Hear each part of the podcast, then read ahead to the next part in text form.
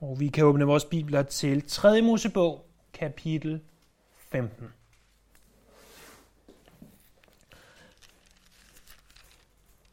Vi husker, at nøgleordet for 3. Mosebog, det er hellighed.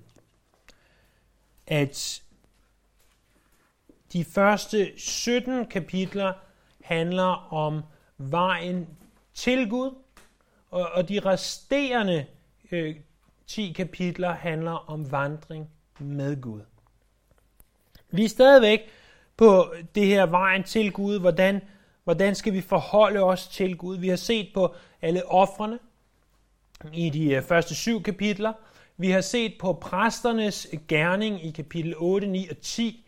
Øh, det var øh, både historisk beretning, men også noget om, hvordan at præsterne skulle, øh, hvordan de blev indsat osv. Og nu siden kapitel 11 har vi set på øh, renselse øh, og hvordan at folk blev rene, urene og hellige. Øh, vi har blandt andet set i kapitel 11 på det her med dyrene, og øh, vi har set på øh, i særdeleshed i kapitel 13 og 14 om det her med loven med spedalskhed. Og nu i kapitel 15 kommer vi til loven om kønslig urenhed. Og vi læser her i vers 1, at Herren talte til Moses og Aaron og sagde, øh, så lige fra begyndelsen bliver vi mindet om, at det her det er noget, som Gud har sagt. Han har sagt det til Moses, og han har sagt det til Moses ældre bror, Aaron, den første ypperste præst. Øh, med det i mente, så kan kapitlet deles i fire eller fem dele. Det er fire forskellige emner, øh, underemner i kapitlet, som alle omhandler det her med kønslig urenhed.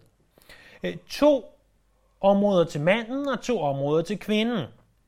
Øh, de første to områder omhandler manden, det er fra vers 1 ned til vers 18.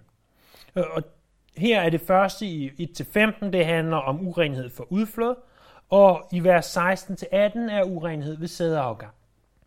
Og så Resten af kapitlet, fra vers 19 og ned efter, det er så hovedsageligt skrevet til kvinden. Øh, og der kommer først i vers 19 til 24 urenhed for menstruation, og i vers 25 til 30 urenhed fra længere bløden. Vers 31 til 33 er en slags opsummering. Så I skal nok få de her inddelinger efterhånden, som vi går igennem versene. Først den her urenhed for udflod. Der stod som sagt, Herren talte til Moses og Aaron og sagde, Tal til israelitterne og sig til dem. En hver mand, som har udflod for sine kønsdele, er uren ved sit udflod. Dette er hans urenhed på grund af udflod. Enten afsondrer hans lem udflod, eller hans lem er tilstoppet for udflod. Det er hans urenhed. En hver seng, som en med udflod ligger på, er uren, og alt, hvad han sidder på, er urent. Den, der rører ved hans seng, skal vaske sit tøj og bade sig i vand, han er uren indtil aften.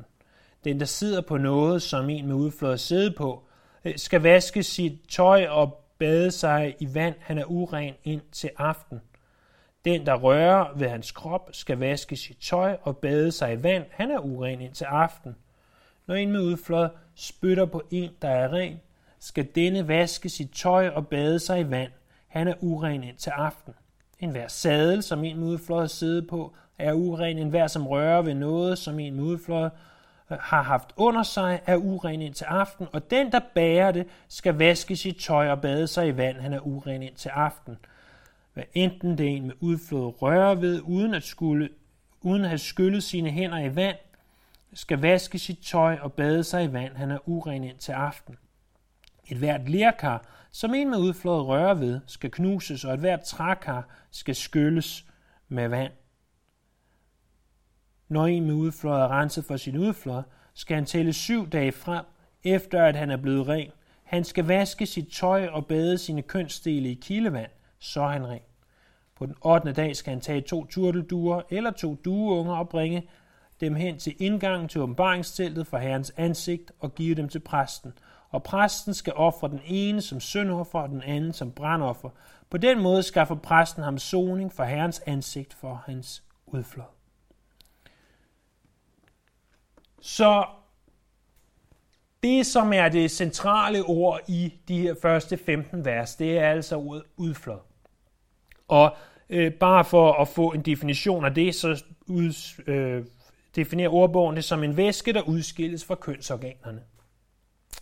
En del mener, at der er tale om kønssygdommen øh, gonoré, som øh, netdoktor skriver om, at det er udflået fra urinrøret. I begyndelsen er det, det udflået sparsomt og slimet, men det bliver hurtigt til et rigeligt, øh, gulligt hvidt udflod. Så det er muligt, at der altså er tale om en kønssygdom, som faktisk, øh, så vidt jeg kunne læse mig frem til, kunne være medfødt, hvis andre havde den. Og det er klart, at dengang havde man ikke de for, samme former for renlighed og mulighed for at vaske sig og alle mulige andre ting, der kunne øh, gøre, at, at de her ting måske lettere kunne opstå. Det ved jeg ikke, men jeg ved, at det, og de havde heller ikke nødvendigvis nogen helbredelsesformer, hvilket nok var det, øh, var det vigtigste.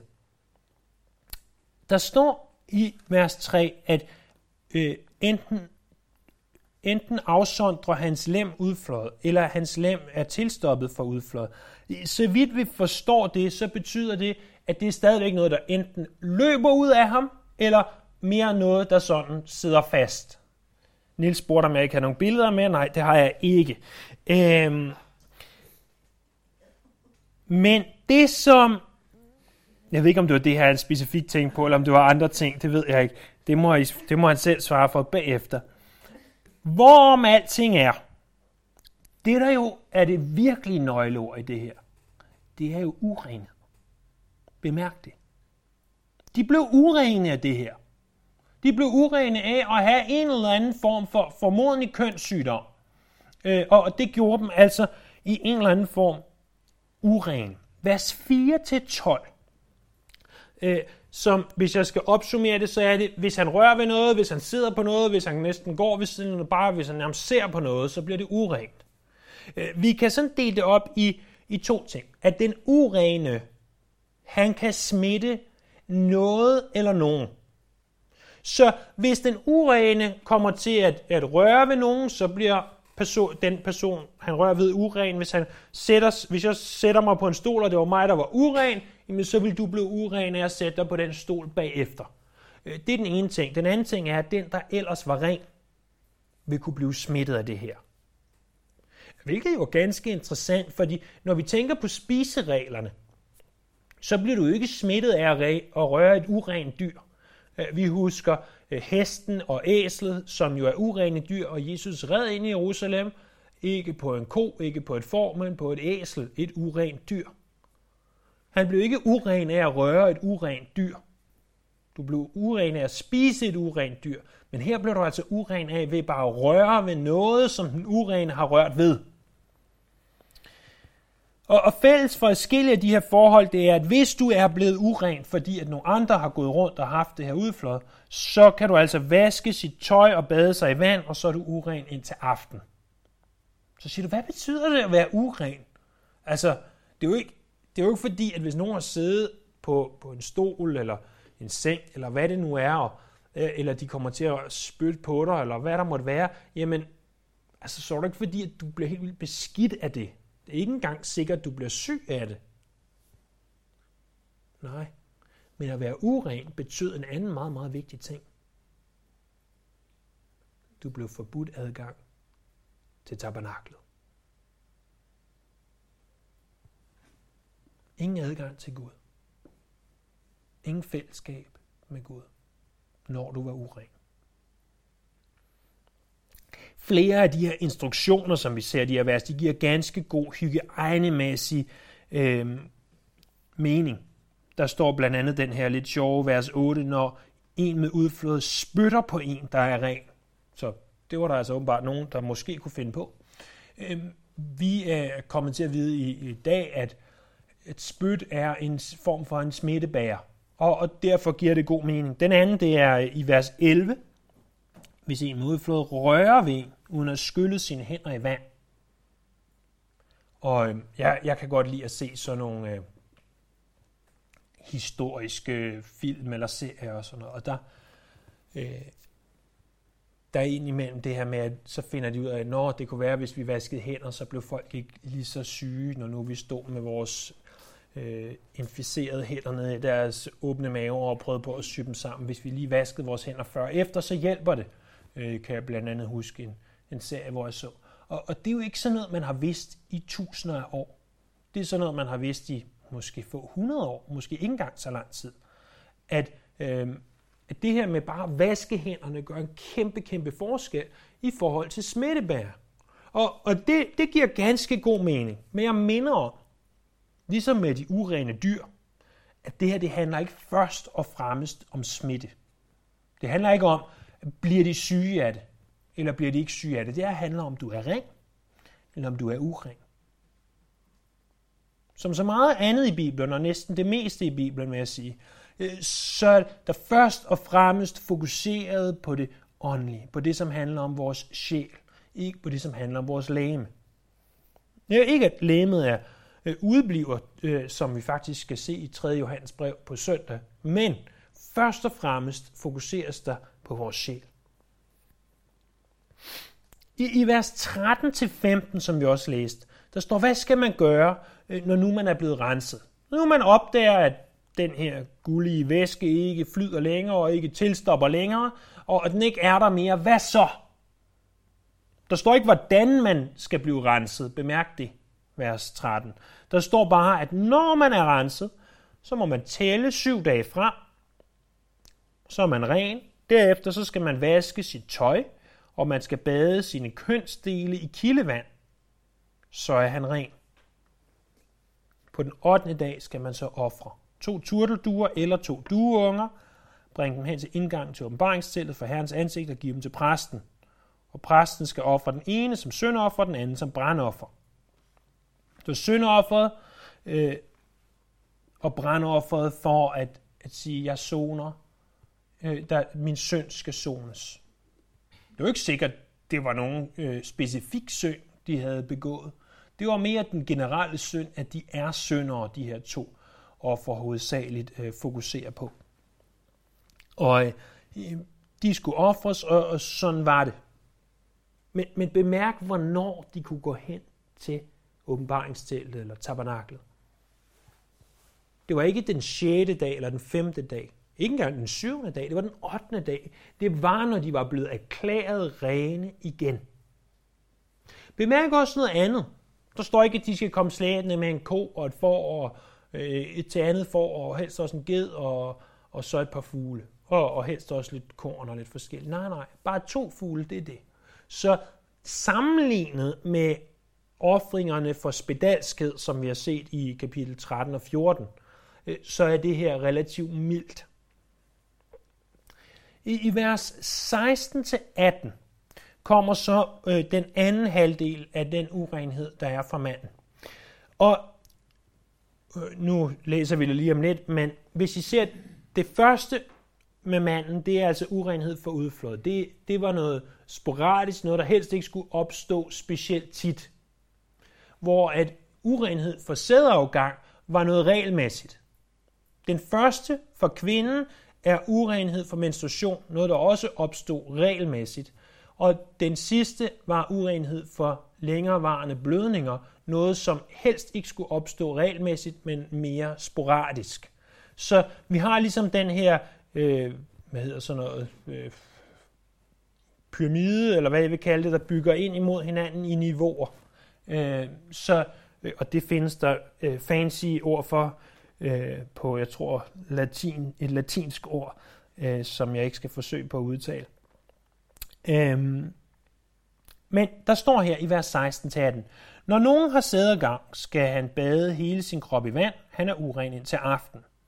Alt tøj og alt skind, der er kommet sæd på, skal vaskes i vand. Det er urent indtil aften. Når en mand har samleje med en kvinde, skal han bade sig i vand, og de er urene ind til aften. Øh, så den her urenhed er altså i forbindelse med sædeafgang. Som jeg forstår det, så tales der både om sædeafgang ved samleje, hvor det ligesom er en naturlig del af samlejet, men også det, som kaldes natlig sædeafgang, altså noget, der sker om natten, uden at der er en kvinde, eller noget som helst andet involveret. Øh, det tales der også om i 5. Mosebog kapitel 23, vers 11. I både babylonske, egyptiske, græske, romerske og endda også i nogle semitiske, altså blandt andet Israel og andre kulturer, der så man sæd som noget, der smittede, altså noget ganske urent. Og det er også tilfældet i det gamle testamente. det var altså noget, som, som gjorde urent i forhold til at kunne komme ind i tabernaklet. Vi læser om det blandt andet i 2. Mosebog, kapitel 19, vers 15, og 1. Samuels bog, kapitel 21, vers 4 og 5. Det, som sæden gjorde urent, det var tøj, og det var skin. Og så ligeledes, når et par havde haft samleje, så blev de altså urene, og de skulle bade sig i vand, og de, øh, så ville de så blive rene. Men selv om sæden gjorde uren, så skulle der ikke zones for den. Og det synes jeg er ganske bemærkelsesværdigt.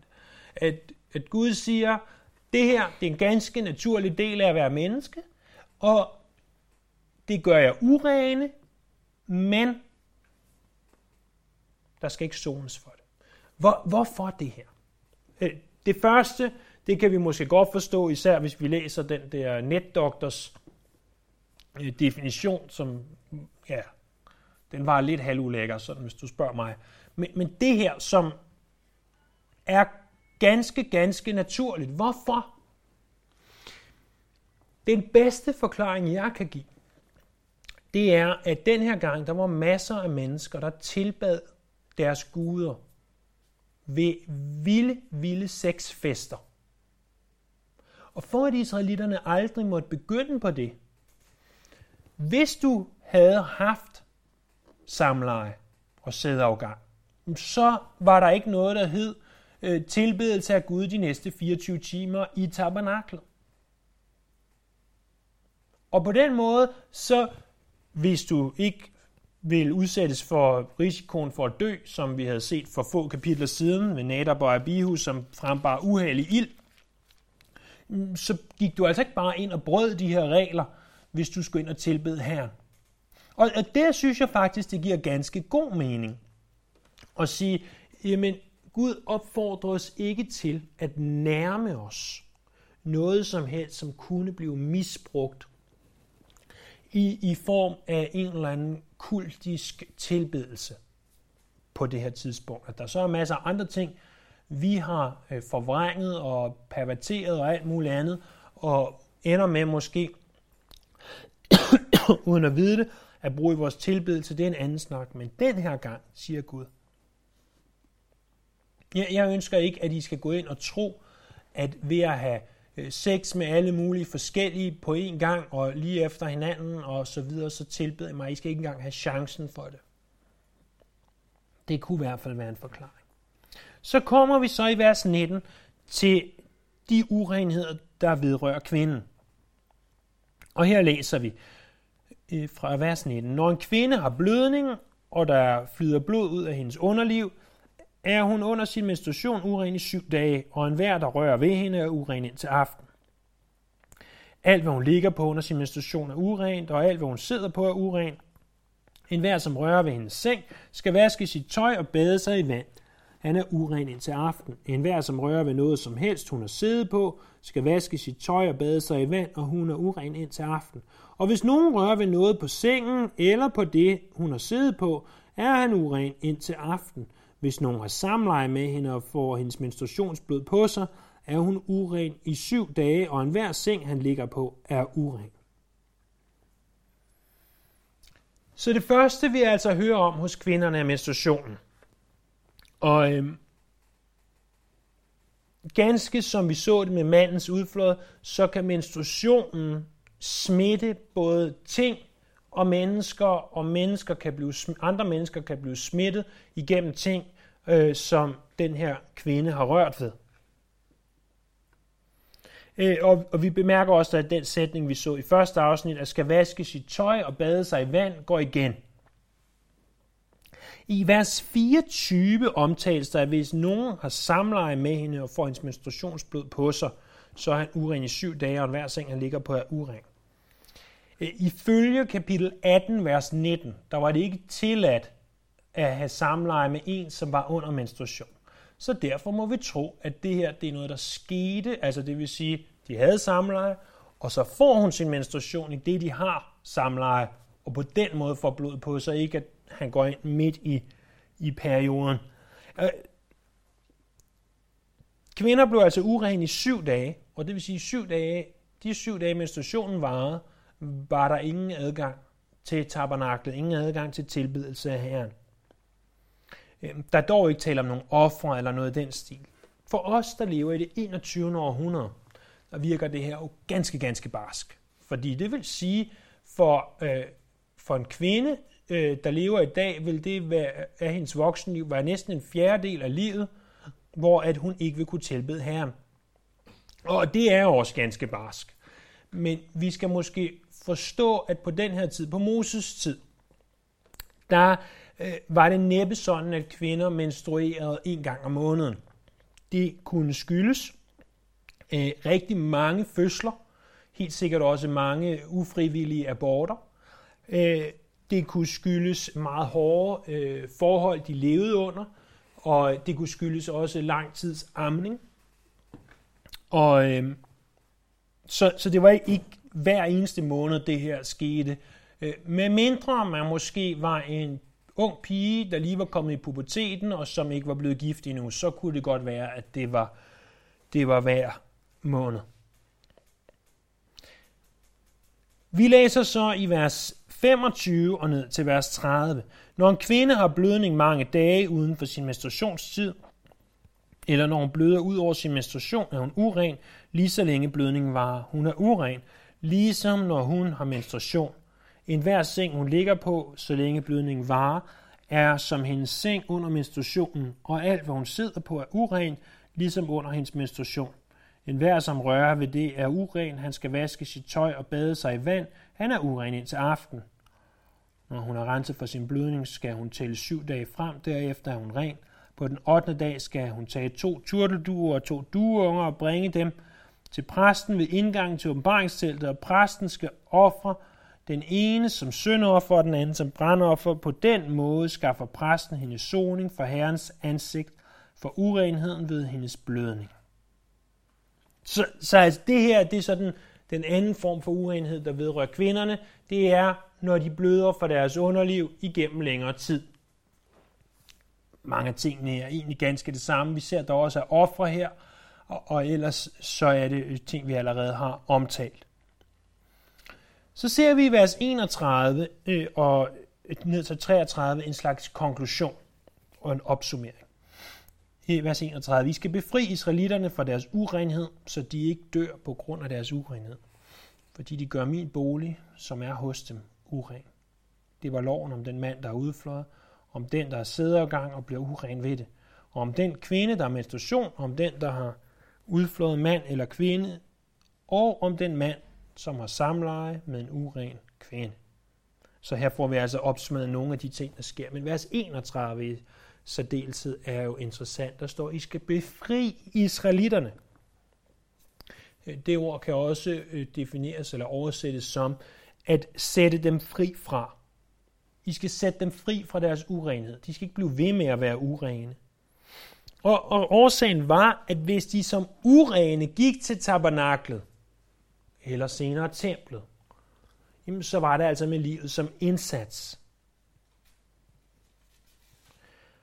Og vi kan kun spekulere på, hvorfor nøjagtigt de her forhold er omtalt, og hvorfor de gør dem urene.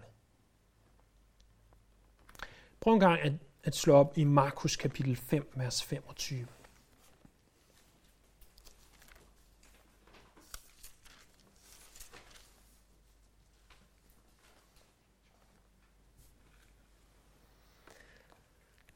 Jesus er i Kapernaum, den by, han nu havde gjort til sit hovedsæde. Og der i Markus kapitel 5, der ser vi, at synagogeforstanderen Jairus er kommet til ham og sagt, min datter på 12 år er syg. Kan du ikke nok komme og hjælpe hende? Og i det, at Jesus så bevæger sig igennem byen, hen imod øh, Jairus' hus, læser vi så fra vers 25.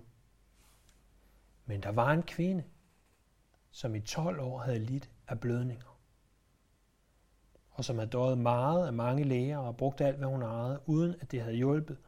Hun, hun havde tværtimod fået det værre.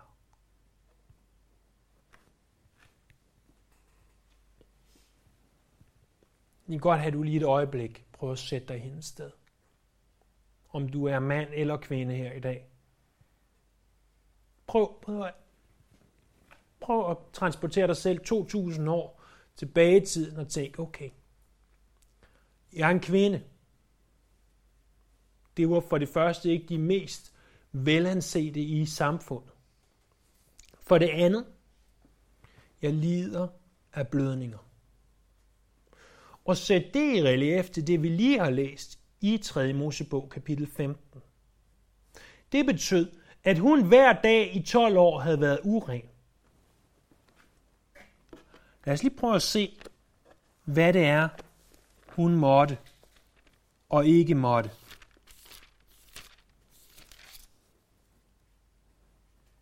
Når en kvinde, vers 25, har blødninger mange dage uden for sin menstruationstid, det må vi sige, at 12 år det er, eller når hun bløder ud over sin menstruation, så er hun uren. Lige så længe blødningen varer, er hun uren.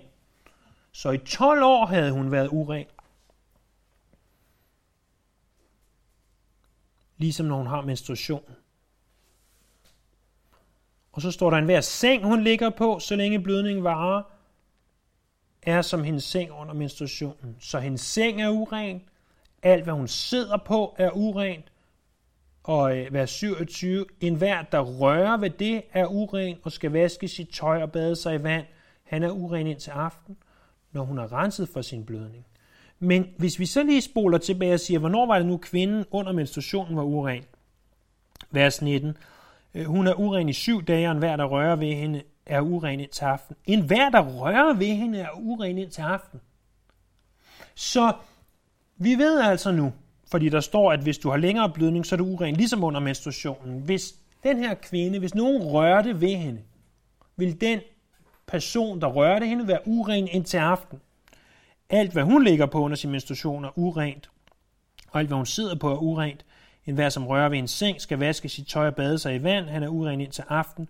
En hver, som rører ved noget som helst, hun har siddet på, skal vaske sit tøj og bade sig i vand. Han er uren indtil aften. Og, hvis, og vers 23, og hvis nogen rører ved øh, noget på sengen, eller på det, hun har siddet på en uren indtil aften.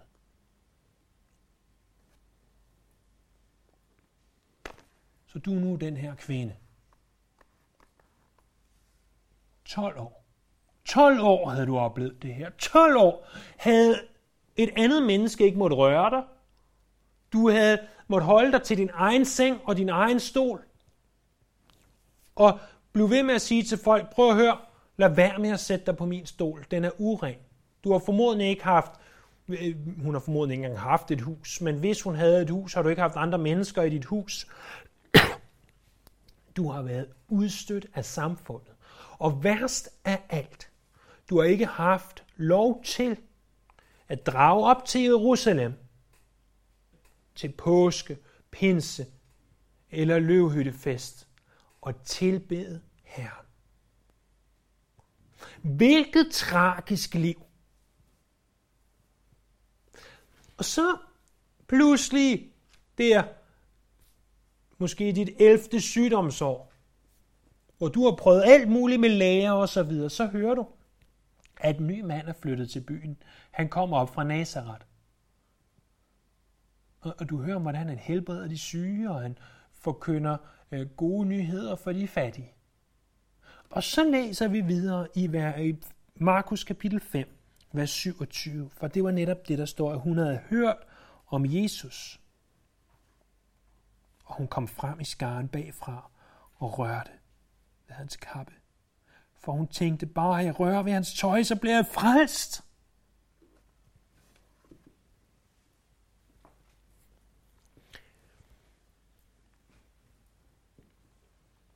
Det er jo så svært for os at forestille os, hvordan det var dengang. Men ikke noget asfalt. Støvet vej. Israel, tørt. En tør, støvet vej. Det virker til, at der var rigtig mange mennesker her, af hvad vi senere læser. Så masser af mennesker, de vil alle sammen hen og se mirakelmageren Jesus. Så den ene maser mere end den anden. Og den her kvinde, hun tænker, der er ikke noget at gøre ved det. Jeg må gøre de her mennesker urene for at mase mig igennem, for bare at komme til at røre ved hans kappe. så kan det være, der sker noget. Og så står der, bare jeg rører ved hans tøj, bliver jeg frelst. Det, vi taler ikke om hans hånd. Vi taler ikke om hans hoved. Bare hans tøj kan det være, at jeg bliver frelst. Hvis det her ikke er tro, så ved jeg ikke, hvad det er. Og så står der i vers 29, og straks udtørredes kilden til hendes blødninger, og hun mærkede i sin krop, at hun var blevet helbredt for lidelsen.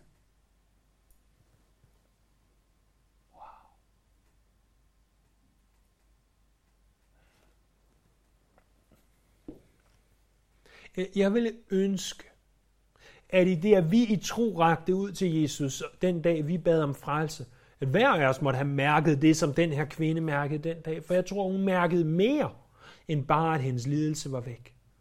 Hun mærkede, at hun havde taget et skridt i tro og rakt ud til Jesus. Vers 30.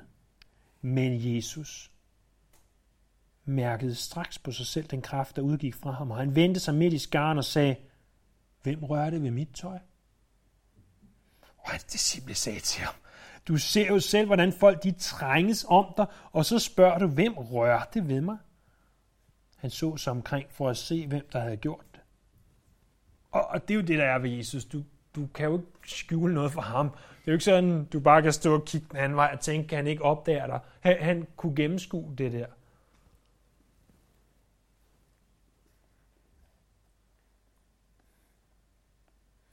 Vers 33, og kvinden kom skælvende af skræk. Hvorfor skælvede hun af skræk den dag? Fordi hun vidste godt, at hun egentlig havde overtrådt loven. Og hun vidste, hvad der var sket med hende, og hun faldt ned for ham og fortalte ham hele sandheden. Og han sagde til hende, hvad tænker du dog på? Du har brudt loven. Hvor er du dog et forfærdeligt menneske. Åh, oh, det er bedre at læse end at genfortælle. Øh, datter, din tro har frelst dig. Gå bort med fred og vær helbredt for din lidelse. Wow. Den kvinde, som i 12 år ikke har måttet røre et andet menneske, rækker i tro ud og rører ved Guds manden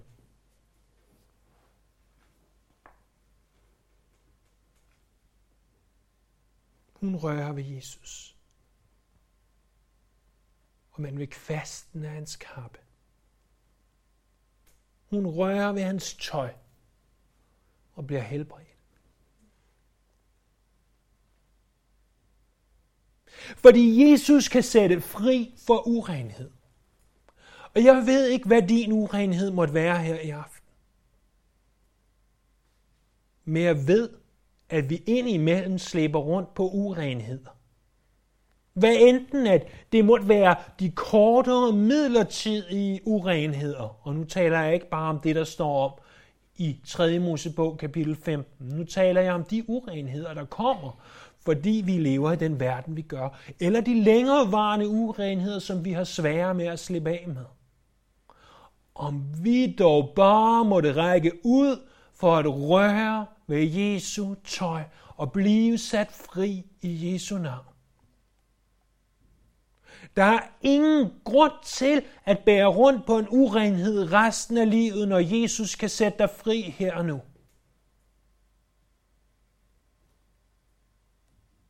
Det kan godt være, at det kræver, at du maser dig igennem.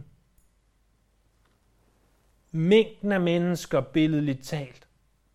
Det kan godt være, at det kræver, nogle anstrengelser. Det kan godt være, at det kræver øh, tid øh, i bøn og i fast.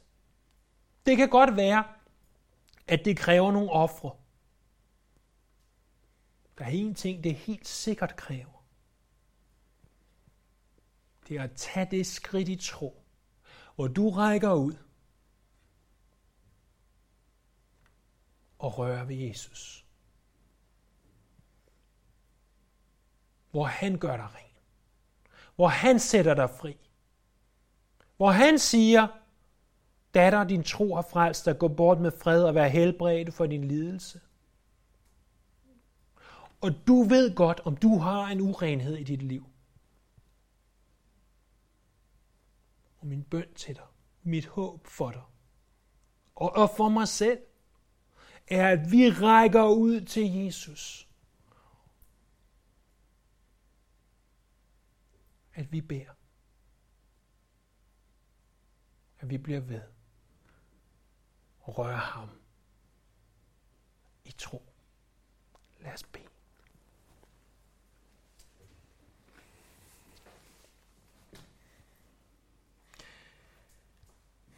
Himmelske Far, når vi ser skriften i dens kontekst, og sammenligner skriftsted med skriftsted, hvor bliver det kraftfyldt? Hvor bliver det mægtigt her? Hvor bliver det egentlig ganske levende? Og jeg beder om, at du vil banke på vores hjerter nu. Hvis nogen af os har noget, som kontinuerligt eller en gang imellem gør os urene, så lad os bede til dig her om at blive sat fri. Lad os række ud i tro. Det er i dit hellige navn, til din ære, at jeg beder det her.